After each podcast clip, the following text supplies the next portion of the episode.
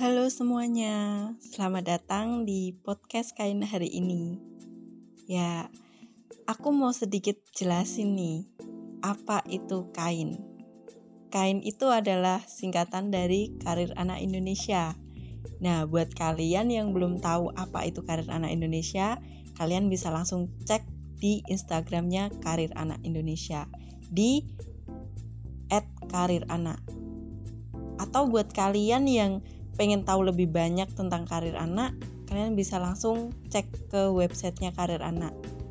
Ada di kariranak.id. Oke teman-teman. Oke, hari ini kita bakalan ngebahas tentang gangguan fokus. Nah, pasti pada ngerasain kan, gangguan fokus itu bener-bener jadi konflik yang hari ini banyak kita temukan apalagi sebagai orang tua kita tuh sering nemuin gangguan fokus di belajarnya anak-anak nih bun. Nah umumnya gangguan fokus itu memang terjadi di usia remaja ya. Gangguan fokus belajar sering ditemukan ketika anak menginjak usia remaja. Kenapa hal ini bisa terjadi bun?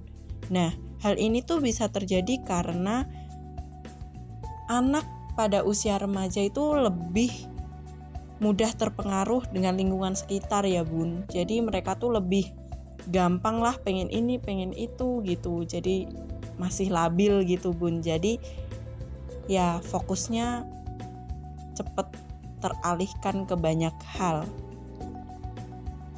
Oke bun. Di sini lingkungan juga banyak banget menawarkan kegiatan-kegiatan yang menarik. Jadi sulit untuk anak itu bisa mengatur fokus belajarnya ya bun. Nah hal ini juga pastinya dirasakan bunda-bunda nih. Pasti adalah yang anaknya tertarik buat nongkrong padahal belum ngerjain tugas.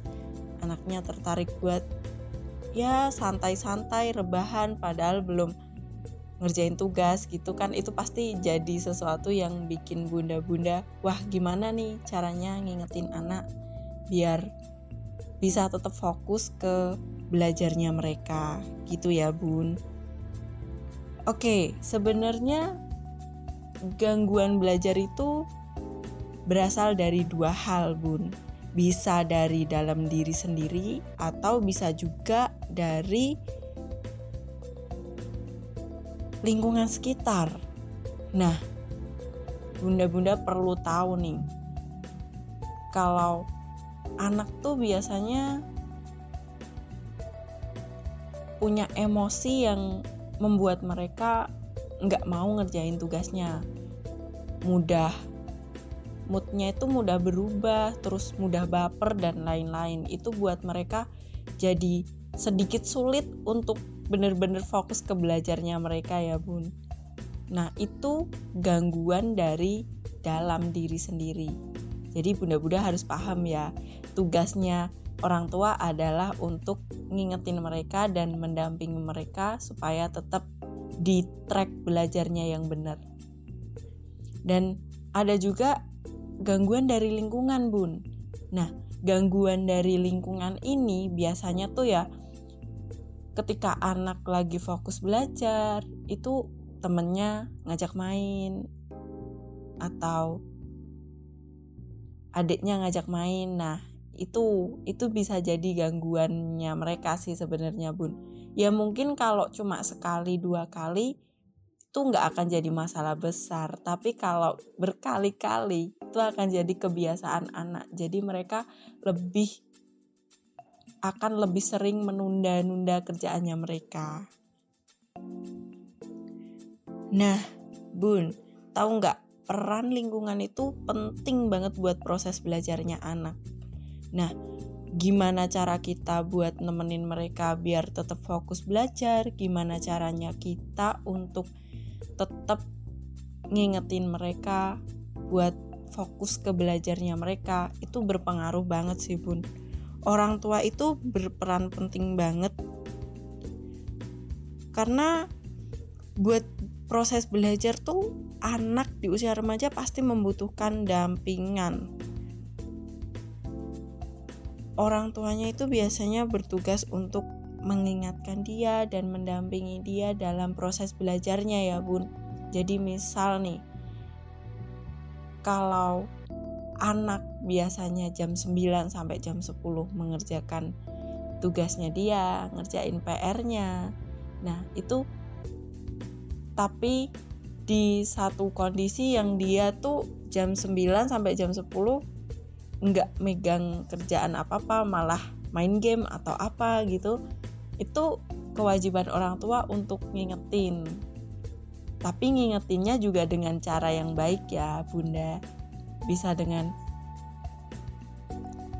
kak gimana kak tugasnya? Jam segini.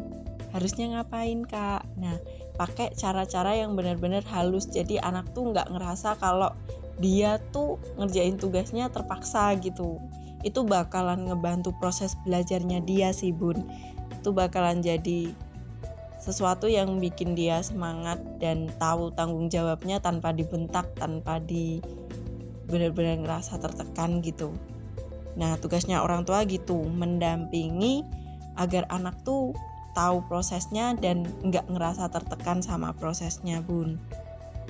Oke di sini orang tua juga perlu menyadari sih bun apakah yang mereka berikan atau yang mereka lakukan ke anak yang mereka berikan untuk anak itu jadi distraksi atau dorongan buat belajarnya mereka bun. Misal nih kita ngebeliin satu barang yang menurut kita dia butuh tapi ternyata itu malah nggak digunakan untuk belajarnya mereka. Kita cuma ngebeliin barangnya tanpa kita mengatur e, kondisinya anak. Kita memberikan barang tanpa kita mengatur sistem belajarnya sistem penggunaan barangnya itu akan jadi sesuatu yang bisa menjadi distraksi untuk belajar mereka. Nah, Bun, akhir-akhir ini apalagi di masa pandemi ini ya banyak orang tua tuh yang malahan menjadi distraksi buat anaknya orang tua tuh bahkan menjadi gangguan belajar dari anaknya tanpa disadari ya bun coba bayangin aja kalau misalnya anak nih lagi pada belajar misalnya. Anak-anak lagi belajar terus dengan tidak sadar kita minta tolong ke mereka untuk entah ke warung, entah kita minta tolong ke mereka untuk bantuin kita sedikit di satu pekerjaan gitu itu akan jadi distraksinya mereka bun kalau kita mintanya terlalu sering kita juga harus oh iya jam segini kan mereka lagi time jadi nanti aja deh minta tolongnya. Nah, itu juga harus jadi satu pertimbangan yang harus dipikirkan sama kita, Bun. Sebagai orang tua, kita harus memikirkan apa yang kita kasih, apa yang kita minta itu jadi distraksi atau dorongan buat mereka. Kalau jadi dorongan sih alhamdulillah ya, Bun.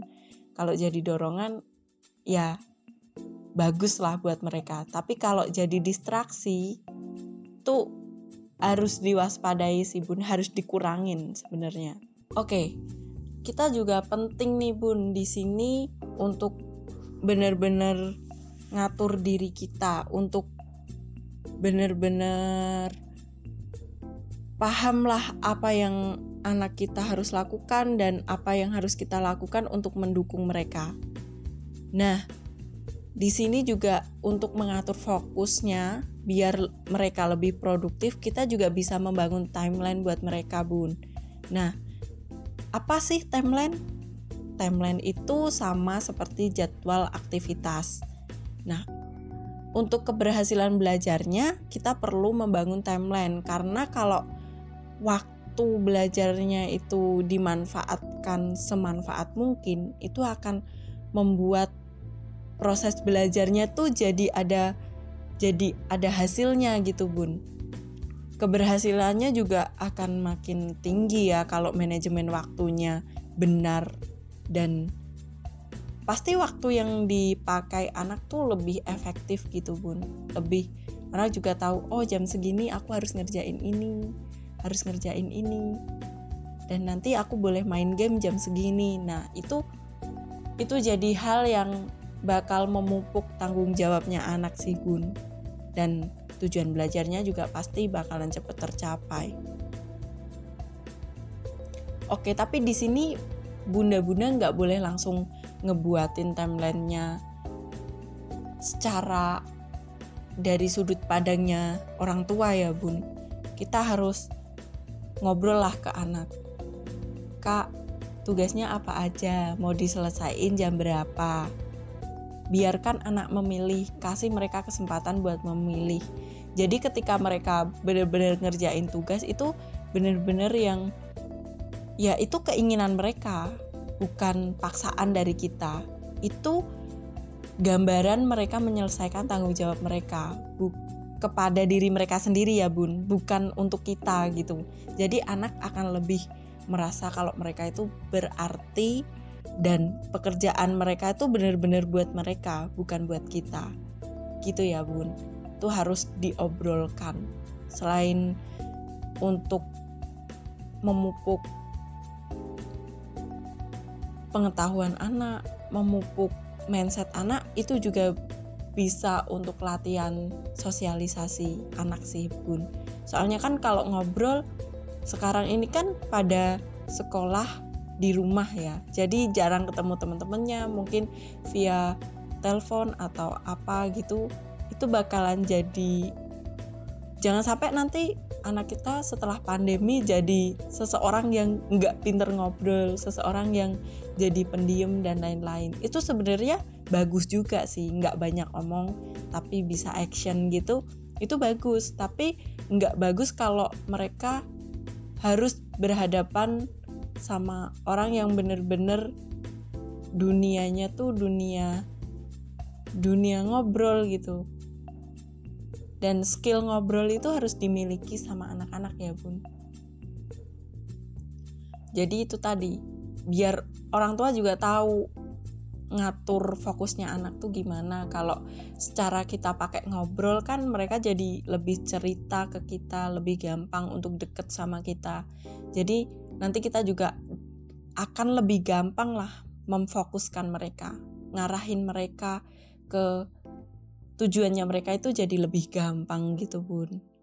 Nah, di sini nilai tujuan juga jadi sesuatu yang penting sih bun. Kita harus benar-benar ngecek, benar-benar memastikan apakah tujuan yang akan dicapai anak itu sesuai dan apakah hasilnya bakalan bikin anak tuh puas gitu bun. Apakah tujuan nilai dari tujuannya itu besar gitu bun jadinya nanti ketika mereka nemu kesulitan atau mereka mulai ke distraksi sama satu hal mereka akan ingat bahwa tujuan belajarnya mereka itu lebih besar daripada distraksinya.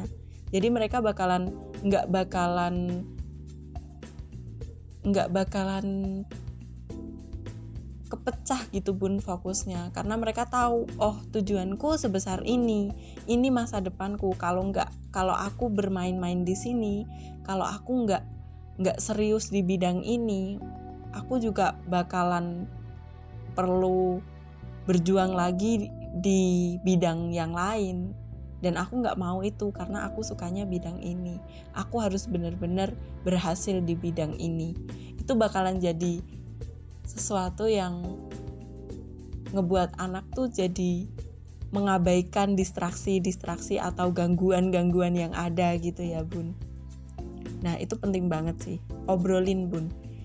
Diajak ngobrol tenang terus tentuin tujuannya tentuin seberapa besar tujuannya. Terus ya bunda harus inget-inget lagi nih yang orang tua lakukan itu jadi distraksi buat mereka atau tidak. Itu yang perlu dipahamin sama orang tua. Jangan sampai yang kita lakukan malah jadi distraksi buat mereka. Itu kan ya nggak bagus juga buat prosesnya bun. Nah kali ini ngobrolnya sampai di sini dulu ya bun. Sebenarnya aku masih punya banyak yang mau diobrolin tapi kita ngobrolnya sampai sini dulu. Kalau bunda-bunda masih pengen ngobrol, kita lanjut di podcast berikutnya ya. Terima kasih.